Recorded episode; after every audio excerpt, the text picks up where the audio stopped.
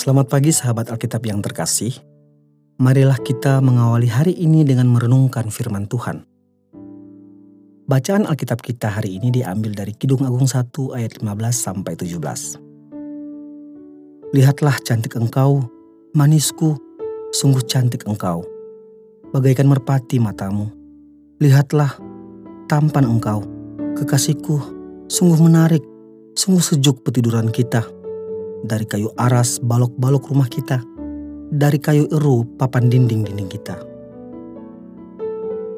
Sebuah gombalan tentu sudah tidak asing lagi di antara sepasang insan yang sedang diliputi cinta. Banyak para perajut kasih yang baru memulai kisah cinta mereka menggunakan beragam kata-kata manis untuk menyenangkan hati dan membuat perasaan melayang pada diri pasangannya. Alhasil, tidak jarang kata-kata manis itu berujung pada kalimat-kalimat gombal yang kalau tidak dikendalikan justru berubah menjadi perkataan hampa tanpa makna. Pada ayat 15 hingga 17 ini, sekilas kita melihat cara mempelai perempuan dan mempelai laki-laki yang saling menggombal. Namun, apabila kita telisik lebih lanjut, maka akan ditemukan ungkapan kebahagiaan penuh harapan dalam hubungan yang sedang mereka jalani.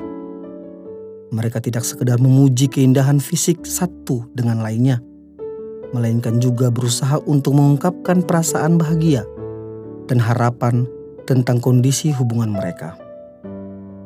Itulah mengapa bersamaan dengan perumpamaan keindahan fisik yang mereka ungkapkan, misal mata seperti merpati Terdapat juga perkataan untuk menggambarkan kondisi hubungan seperti sejuknya petiduran dan kuatnya rumah sebagai perlindungan.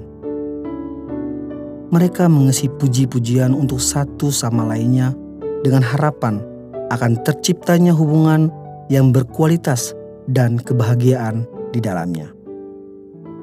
Sahabat Alkitab, dialog Kidung Agung ini telah membawa kita kepada sebuah kesadaran – tentang perlunya menaruh harapan terhadap setiap hubungan yang kita bangun. Artinya, setiap perkataan yang kita ucapkan untuk rekan, relasi, entah itu kekasih, suami, istri, orang tua, anak, sahabat, idealnya disertai dengan harapan akan terciptanya ketenangan dan kebahagiaan di dalamnya.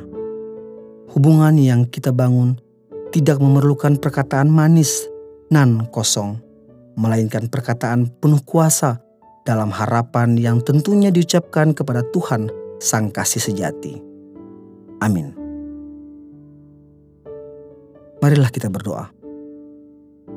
Tuhan, firman yang Engkau sampaikan kepada kami pada hari ini telah mengingatkan kami tentang karya agung penuh cinta darimu yang begitu nyata, bukan sekedar kata, melainkan Engkau memberikan kami kasih-Mu yang menyelamatkan dan mengubah kami.